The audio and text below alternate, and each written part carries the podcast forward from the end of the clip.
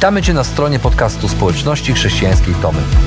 Mamy nadzieję, że rozważanie, które za chwilę usłyszysz, zainspiruje Cię do zrobienia kolejnego kroku w Twojej relacji z Bogiem. Bo w naszej społeczności zapraszamy wszystkich do relacji z Chrystusem, który zmienia wszystko. Dziękujemy za Twoje zainteresowanie i zapraszamy Cię do polubienia naszego profilu na Facebooku, Instagramie i YouTubie oraz ściągnięcia darmowej aplikacji na smartfona. Dobrego słuchania.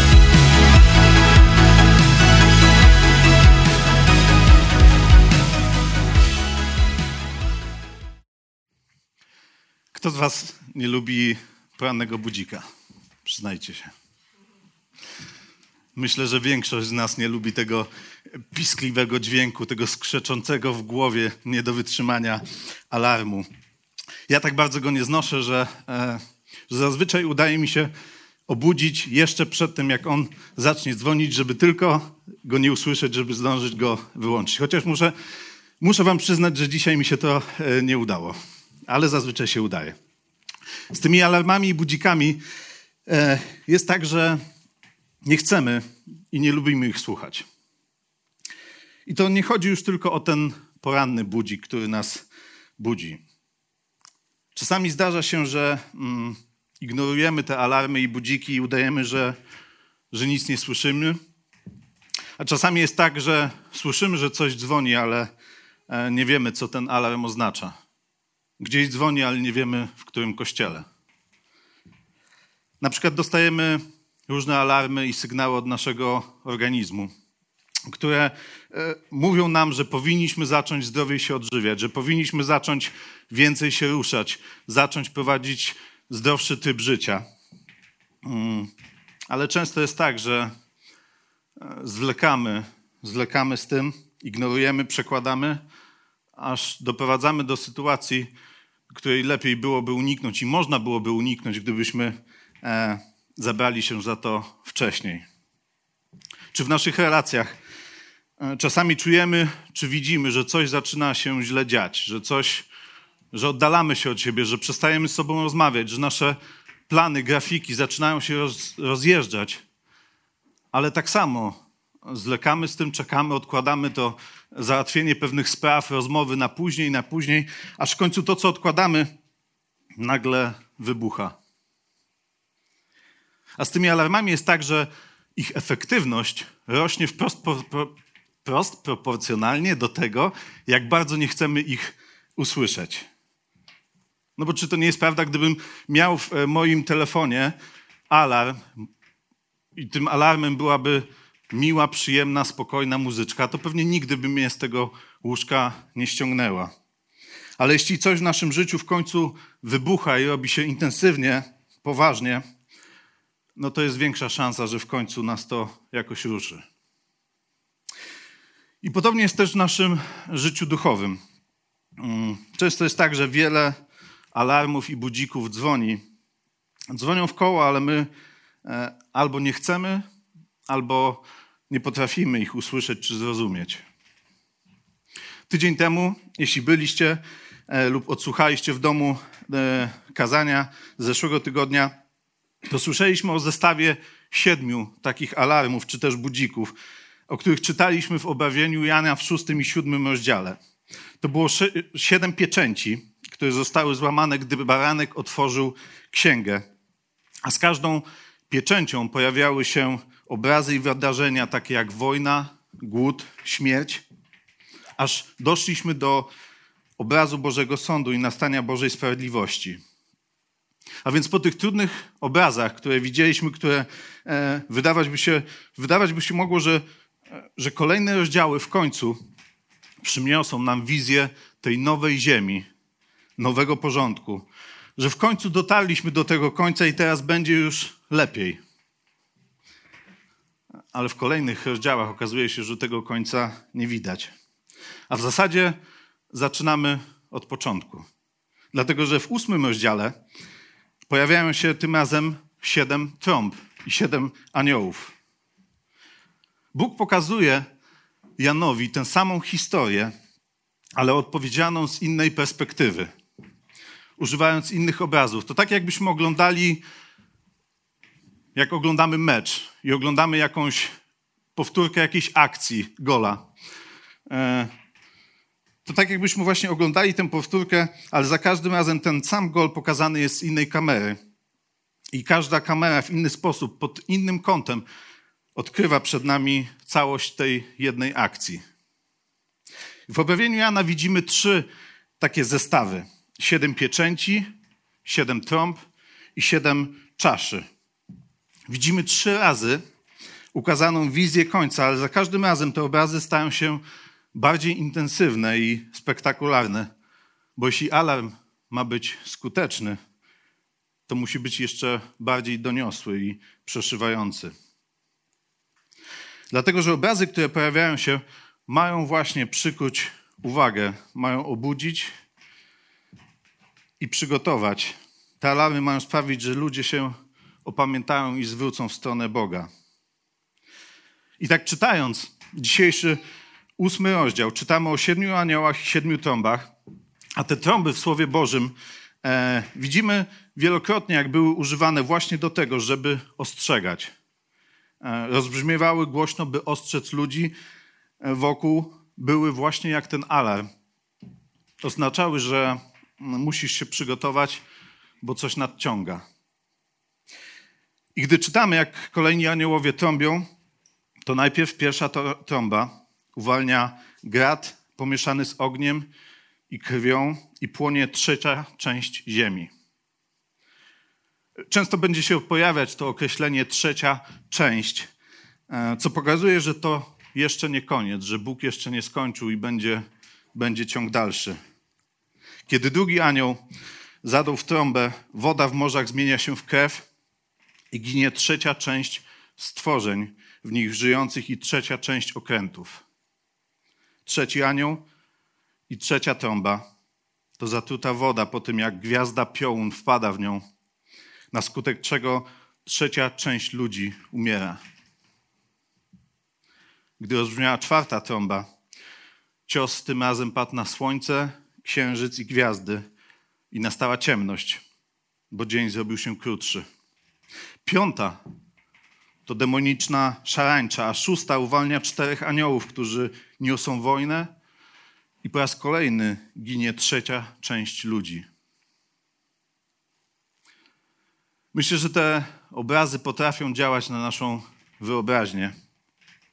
W związku z tym może e, spotkaliście się z różnymi interpretacjami i wizjami ludzi, w czym dzisiejszym świecie są te trąby. Niektóre są bardzo kreatywne. Na przykład okazuje się, że gwiazda piołun, e, która spada do morza z trzeciej trąby, w języku ukraińskim to Czarnobyl, czyli e, czarny piołun. A więc wielu ludzi katastrofę, która wydarzyła się w Czarnobylu, utożsamia właśnie z apokaliptyczną trzecią trąbą. Inni, inną ciekawą interpretacją piątej trąby, a więc demonicznej szarańczy, jest jej e, porównanie do helikopterów Black Hawków, które niosą śmierć. Ale tak naprawdę, gdy wczytamy się w ten opis, to widzimy, jak Bóg, sądząc świat, używa obrazów z wyjścia narodu izraelskiego z Egiptu. Bo pierwsze pięć trąb to echo plag, jakie możemy właśnie znaleźć w księdze wyjścia. I tak jak wtedy Bóg plagami zniszczył Egipt i pokonał zło, tak teraz niszczy ziemię. I tak jak plagi w Egipcie były obrazem odwróconego stworzenia, kiedy Bóg stwarzał to, stwarzał to po kolei, a kiedy zsyłał plagi i niszczy ziemię, to w odwrotny sposób niszczy.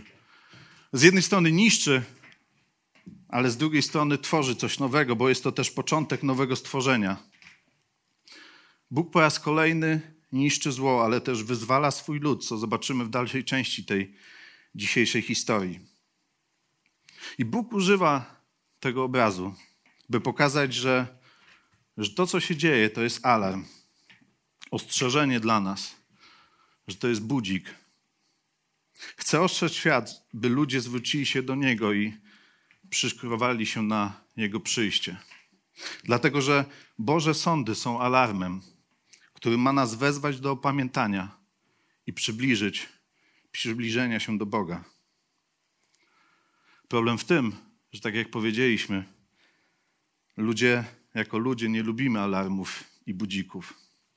Dlatego zanim Jan otrzyma wizję siódmej trąby, mamy dłuższą przerwę i najpierw czytamy e, w końcówce dziewiątego rozdziału takie słowa. Jednak pozostali ludzie, ci, którzy nie zostali zabici przez wymienione klęski, nie opamiętali się. Nie zaprzestali popełniania zła. To znaczy nadal oddawali cześć demonom oraz złotym, srebrnym, miedzianym i drewnianym bożkom, które nie widzą, nie słyszą i nie chodzą.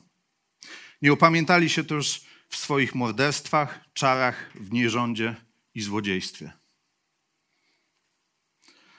Wygląda na to, że tak jak faraon nie opamiętał się w obliczu tych wszystkich plag, które spotkały Egipt, tak te same plagi syłane przez Boga nie skłonią ludzi do skruchy. I to jest bardzo trudne do zrozumienia, bo przecież widzimy potęgę Boga i, i to, że ludzie nie mają szans w starciu z Nim, a mimo to wciąż nie chcą odwrócić się od swoich grzechów, od swojego życia i, i przyjąć Boga. Mimo iż przychodzi im doświadczać konsekwencji grzechu, przychodzi im doświadczać bólu, sądu, nie chcą okazać skruchy, nie chcą przestać robić rzeczy po swojemu. I być może myślisz sobie, ale jak to jest możliwe? Jak można widzieć takie rzeczy? Jak można ponosić takie konsekwencje? Jak można w obliczu takiego sądu nie odwrócić się i nie uchwycić się Boga? Kiedy w końcu ten budzik ich obudzi? Co musi się jeszcze wydarzyć? Jaki alarm muszą jeszcze usłyszeć, żeby zwrócili się do Boga? Być może znasz osoby, które sięgnęły już, sięgnęły już samego dnia, dna i myślisz sobie, jak to jest możliwe, że on jeszcze nie zrozumiał, że jedynym ratunkiem dla niego jest Bóg, że potrzebuje Boga w swoim życiu. Być może myślisz sobie, co jeszcze musi go spotkać. Okazuje się, że problemem nie jest zazwyczaj to, że ludzie nie wierzą w istnienie Boga. Faraon widział na własne oczy moc Bożą. Musiał, musiał w niego wierzyć, musiał wiedzieć, że Bóg istnieje. Problem był taki, że te wszystkie alarmy jedynie zatwardziły jego serce.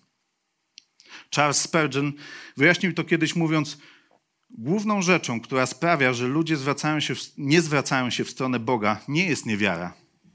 Jest nią bunt i rebelia. A więc w czasie tego cierpienia, w czasie, w czasie bólu i sądu kończy się na tym, że ludzie jeszcze bardziej odpychają od siebie Boga. Odpychamy od siebie, odrzucamy tę myśl, że te alarmy, które widzimy, że to, co się dzieje w koło, to skierowane jest do nas, że dotyczy nas, że to budzik, który ma nas obudzić. Zobaczmy. Pandemia, kryzys klimatyczny, podnoszący się poziom wód i oceanów, wszechobecny plastik, który zatruwa naszą, e, naszą ziemię, zwierzęta, wymierające gatunki, konflikty. Czy to zwraca ludzi w stronę Boga? Czy przez to, co się dzieje, widzimy, że tłumy ludzi oddają Bogu swoje życie? Co jeszcze musi się wydarzyć? Co obudzi w końcu narody? Okazuje się, że tak jak pieczęcie w zeszłym tygodniu, o których mówiliśmy, mówiło o Bożej ochronie dla tych, którzy poszli za Chrystusem. Tak trąby pokazują ten sam sąd, ale skupiają się na tym, jaka jest misja tych, których, którzy poszli za nim. Jakie Boży lud, jakie Jego Kościół ma zadanie w czasach ostatecznych, w których żyjemy. Dlatego zanim zabrzmi ta siódma trąba, rozdział 10 i 11 mówi właśnie, mówi właśnie o tym. Bo w dziesiątym rozdziale Jan widzi potężnego anioła, który stępuje z nieba i słyszy takie słowa. A głos, który usłyszałem z nieba, znów odezwał się do mnie. Podejdź i weź rozwinięty zwój, który trzyma w ręce anioł stojący na morzu i lądzie. Podszedłem więc do anioła i poprosiłem, aby dał mi ten mały zwój. Wtedy on mi powiedział: Weź i zjedz go. Napełnij goryczą twój żołądek, ale w ustach będzie słodki jak miód. Wziąłem zatem z ręki anioła mały zwój, zjadłem go i rzeczywiście w ustach był słodki jak miód. Natomiast gdy go połknąłem, poczułem gorycz. I powiedziano mi, musisz znów prorokować o ludach, narodach, językach i o wielu królach. Jan otrzymuje polecenie, że ma wziąć od anioła mały zwój i ma go zjeść, a później ma prorokować Bożą prawdę innym narodom. Może, może nam się wydawać to dosyć dziwne zadanie, ale jest to spotykany wcześniej w piśmie obraz, gdy Słowo Boże porównane jest właśnie do jedzenia, do mięsa czy też, czy też do miodu, tak jak tu. Takie polecenie otrzymał również prorok Ezechiel w Starym Testamencie, który miał zjeść zwój i prorokować Bożą prawdę narodowi. Ta prawda, którą otrzymał, była słodka, jak miód, ale później stała się też gorzka, ponieważ wiedział, że musi tę prawdę przekazać ludziom, którzy nie będą chcieli jej słuchać. Wiedział, że nie będą chcieli usłyszeć alarmu, dlatego że ludzie nie lubią alarmów, nie chcą ich słuchać. Taki obraz Słowa Bożego pokazuje, że to Słowo nie jest jedynie dane nam do tego, żebyśmy je czytali, żebyśmy je studiowali, żebyśmy rozważali.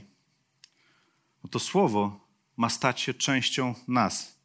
Ma być dla nas jak pożywienie, którego potrzebujemy do życia każdego dnia. Pokazuje to, że Bóg chce najpierw zrobić coś w nas poprzez swoje słowo, zanim, zanim zrobi coś przez nas. Czy byliście kiedyś e, w samolocie i słyszeliście, jak załoga instruuje, co należy zrobić w momencie, kiedy e, maski tlenowe wypadają z panelu nad głowami? Co oni mówią wtedy? Mówią, że najpierw załóż swoją maskę. Zadbaj o to, żeby Twoja maska była prawidłowo nałożona, zanim zaczniesz pomagać innym. Zanim założysz maskę dziecku, czy zanim pomożesz swojemu małżonkowi, zanim zajmiesz się osobą, która siedzi obok i która nie potrafi sobie poradzić, przygotuj najpierw siebie, zanim zaczniesz przygotowywać innych.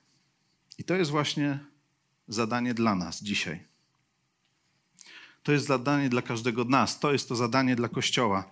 W obliczu alarmów Bożego Sądu napełnij się Jego Słowem, żebyś mógł zanieść je dalej i ostrzec innych. To napełnienie się Słowem Bożym jest pierwszym etapem misji, jaką mamy do wykonania. Następnie w jedenastym rozdziale czytamy, że Jan ma zmierzyć przybytek Boży, co jest znanym obrazem z księgi Zachariasza z drugiego rozdziału. Obrazem, który pokazuje tą Bożą ochronę, tego, że Bóg się interesuje, Bożą ochronę dla swojego ludu. Jan jednak słyszy, że ma nie mierzyć przedsionka, bo zostanie on zdeptany przez pogan. A obraz ten pokazuje, że nie chodzi już o tę świątynię jako o budynek, ale chodzi o nową świątynię, czyli lud Boży.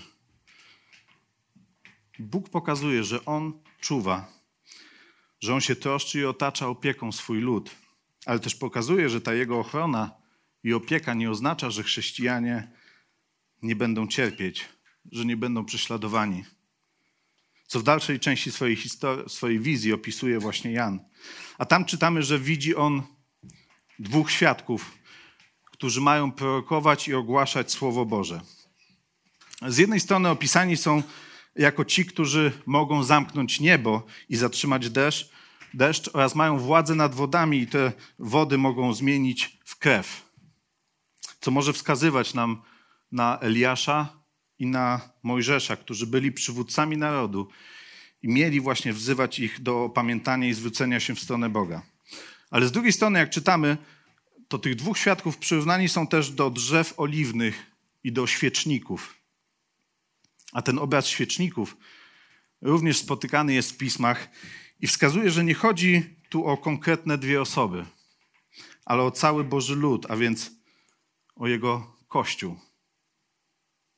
To Kościół ma być tym, tym, który będzie wzywał narody, będzie wzywał ich władców, żeby zwróciły się do jedynego i prawdziwego Boga. To, że Bóg używa obrazu tych dwóch świadków, e, to było też również czytelne dla odbiorców wtedy, gdyż była to starotestamentowa zasada, która e, była dowodem na prawdziwość tego, co jest przekazywane. Jeśli było dwóch lub trzech świadków, to oznaczało to, że była to prawda. Nagle w dalszej części 11 rozdziału pojawia się zwierzę, które wychodzi z otchłani i stacza z nimi bitwę.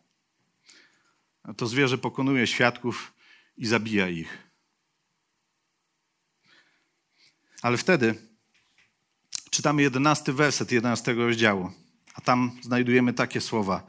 Jednakże gdy minie trzy i pół dnia, wstąpi w nich pochodzący od Boga duch życia i znowu staną na nogi. Na tych, którzy to zobaczą, padnie wielki strach. Oni natomiast usłyszą donośny głos z nieba. Wstąpcie tutaj i wstąpią do nieba w obłoku. Ich wrogowie będą na to patrzeć. W tej samej chwili dojdzie do wielkiego trzęsienia ziemi i dziesiąta część miasta zawali się. W trzęsieniu tym zginie siedem tysięcy ludzi, pozostałych natomiast ogarnie strach i oddadzą chwałę Bogu na niebie. Czytamy, że Bóg wskrzesza ich, wskrzesza ich i wywyższa na oczach ich oprawców. A w rezultacie wielu ludzi z wielu narodów w końcu żałuje za swoje grzechy i w dzień Pana oddaje Bogu chwałę. Jim Elliot wraz z żoną i kilkoma innymi młodymi ludźmi zdecydował się zanieść Ewangelię znanemu z brutalności dzikiemu plemieniu Waodami z Ekwadoru. To plemię znane było, ponieważ wielokrotnie światem wstrząsały opowieści o ich brutalnych zabójstwach ludzi, którzy próbowali się do nich zbliżyć, czy choćby ich zabójstwach osób, które pracowały niedaleko ich wioski. Po miesiącach oswajania ich z powietrza, kiedy zrzucali im prezenty, Jim Elliot z przyjaciółmi postanowił w końcu spotkać się z nimi twarzą w twarz. 8 stycznia 1956 roku na brzeg rzeki do misjonarzy podeszło dziesięciu wojowników, którzy wyglądali na przyjaźnie nastawionych. Jim i jego przyjaciele zginęli z ich rąk, zadźgani włóczniami. Żona Jima pozostała sama w dżungli z dziesięciomiesięczną córeczką. Jim miał wtedy tylko 29 lat.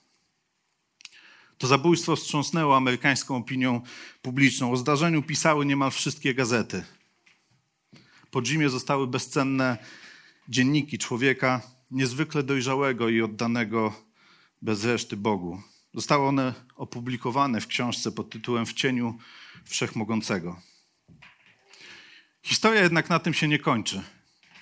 Oto poświęcenie Jima sprawiło, że wiele młodych osób w Stanach postanowiło zmienić swoje życie i zostać misjonarzami, którzy zaniosą Ewangelię do wielu krajów i wielu narodów.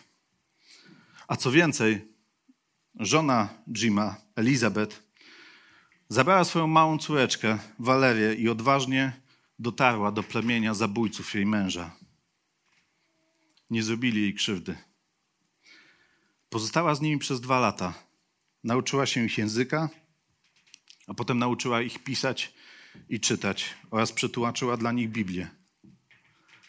W wyniku tej pracy było, wynikiem tej pracy było nawrócenie się całego plemienia. Zabójcy Jima stali się naśladowcami Jezusa Chrystusa. To pokazuje, że chrześcijanie mogą cierpieć prześladowania, mogą nawet stracić życie, ale ta zewnętrzna porażka nie może odebrać im zwycięstwa, jakie jest w baranku. I tak było od wieków, od kiedy chrześcijaństwo zaczęło rozlewać się na świat. Wiele mocarstw, wielu ludzi chciało zdusić Kościół, prześladując chrześcijan, zabijając ich. Jednak nigdy się to nie udało. Bo okazywało się, że właśnie dzięki prześladowaniom, dzięki wierności, miłości, dzięki poświęceniu tych ludzi, Pan Bóg podnosił ten kościół, który stawał się jeszcze większy i jeszcze silniejszy. Bo Bóg nad nimi czuwał. Tertulian, jeden z ojców Kościoła, który uwierzył w Chrystusa w 190 roku, stał się jego gorliwym naśladowcą, powiedział kiedyś: Krew męczenników jest ziarnem wzrostu Kościoła. Czytamy, widzimy, że Boże plagi z pierwszych trąb nie zbudziły w ludziach skruchy, tak jak plagi egipskie uczyniły jedynie twardym serce faraona. Ale baranek, który otworzył księgę, pokonał swoich wrogów z miłości, umierając za nich. A teraz przesłanie z worów baranka, przesłanie tych siedmiu trąb pokazuje misję jego armii, czyli jego kościoła. Boże Królestwo objawi się, gdy narody zobaczą, jak Kościół naśladuje miłość baranka ofiarnego, który nie zabija swoich wrogów, ale za nich umiera. To właśnie miłosierdzie Boga, pokazane przez naśladowców Chrystusa, sprawi, że narody okażą skruchę. A wtedy dopiero siódmy anioł zatrąbi. I znowu dotarliśmy do końca do ostatecznego przyjścia Chrystusa. I w końcówce 11 rozdziału czytamy: Zatrąbił siódmy anioł. Wówczas w niebie rozległy się okrzyki: Nasz Pan i Jego Chrystus zapanował nad światem, będzie On królował na wieki. A dwudziestu czterech starszych, zasiadających na swoich tronach przed Bogiem, padło na twarz i złożyło pokłon Bogu. Powiedzieli: Dziękujemy Ci, Panie Boże Wszechmocny, który jesteś i który byłeś, że użyłeś swej wielkiej mocy i objąłeś królowanie. Narody wpadły w złość, wówczas nastał czas Twojego gniewu, czas sądzenia umarłych i rozdania zapłaty. Twoim sługom prorokom, świętym, szanującym Twoje imię, małym i wielkim, oraz czas zagłady dla tych, którzy niszczą ziemię. Wtedy otworzył się niebieski przybytek Boga, a w przybytku ukazała się skrzynia Jego przymierza. Strzeliły błyskawice, rozległy się głosy i grzmoty, powstało trzęsienie ziemi i spadł wielki grad. Nadszedł czas ostatecznego sądu i przyjścia Chrystusa w swojej chwale. Czas Jego panowania, czas, kiedy ci, którzy zwrócili się w Jego stronę, będą się cieszyć, będą dawać Bogu chwałę, będą Mu się kłaniać, ale też czas ostatecznej zagłady i sądu dla pozostałych. Nadszedł czas końca czasów. A to wszystko ma nam pokazać, że żyjemy w czasach ostatecznych, w czasach, w których słyszymy wiele alarmów. Ten czas końca kiedyś nadejdzie, kiedy zabrzmi siódma trąba. Więc nie ma co czekać, trzeba się przyszykować. Ale na tym nie możemy poprzestać, dlatego że jako Kościół mamy misję, żeby nie tylko przyszykować siebie, ale też innych. Żeby innych zabrać ze sobą. Być może część z Was pamięta te obrazy z dnia po Bożym Narodzeniu w 2004 roku, kiedy na Oceanie Indyjskim miało miejsce potężne trzęsienie ziemi, które wywołało tsunami zabijające 250 tysięcy ludzi. Patrzyliśmy w telewizory i widzieliśmy ogromne zniszczenia i tysiące ciał. Ale nie wiem, czy słyszeliście historię dziesięcioletniej Tilly Smith, która przyleciała z Wielkiej Brytanii z rodzicami na wakacje do Tajlandii. Kiedy cieszyli się z wolnego czasu na plaży, w dniu, kiedy nadeszło tsunami, ona pierwsza zdała sobie sprawę z tego, co, co się dzieje. Zobaczyła w wodzie bąbelki, które wydostawały się na powierzchnię. A kiedy to zobaczyła, szybko odbiegła od brzegu. Dwa tygodnie wcześniej na lekcji geografii uczyła się właśnie o tsunami i o alarmach, które są znakami nadejścia tsunami. A więc dwa tygodnie później jest na plaży w Tajlandii, korzystając z pięknego słońca i, i ciepłej wody, i nagle rozpoznaje ten dźwięk budzika. Rozpoznaje ten alarm i wie, wie co nadchodzi. Większość dorosłych w najlepsze pływa sobie w oceanie. Niektórzy próbują dojść do tego, co się dzieje, widzą, że coś jest nie tak, ale nie rozpoznają tych znaków, nie rozpoznają tych alarmów. Nigdy nie widzieli, żeby takie rzeczy działy się na oceanie. Ale Tilly wiedziała, co się dzieje. Wiedziała, co nadchodzi i była przerażona. Szybko pobiegła więc do mamy i z wielkim przejęciem powiedziała: Musimy uciekać z plaży. Musimy. Tsunami nadciąga. Ona i jej rodzice nie uciekli jednak szybko schronić się gdzieś daleko od wody, ale razem zaczęli biegać i ostrzegać innych, krzycząc: Uciekajcie z plaży, znajdźcie bezpieczne miejsce. Ponad 100 osób ocalało tamtego dnia na tamtej plaży w Tajlandii. Z powodu tej małej dziewczynki. Dziesięcioletniej dziewczynki, która wiedziała, co nadciąga. Wiedziała, co ich czeka. I która nie zachowała tego tylko dla siebie, ale ryzykując własne życie, poświęcając się, pokazując miłość i troskę, ostrzegła innych. Usłyszała alarm, tak jak inni, ale ona potrafiła go rozpoznać, bo była przygotowana. Ostrzegła innych: musicie znaleźć schronienie. I to jest właśnie wyzwanie i przesłanie dla nas dzisiaj. Przesłanie siedmiu trąb. Przesłanie i misja Kościoła. Przesłanie końca świata i sądu Bożego. Nie możemy myśleć tylko o sobie. To nie wystarczy. Bo kiedy wiesz, co się zbliża, wiesz, co się dzieje i co się wydarzy, musimy zacząć od siebie. Ale nie możemy tylko siebie samych na to przygotować, ale musimy zabrać ze sobą jak najwięcej osób, poświęcając się, uniżając i naśladując Jezusa. Bo kiedy Bóg alarmuje świat, swoją miłością wskazuj na Chrystusa jako jedyny ratunek.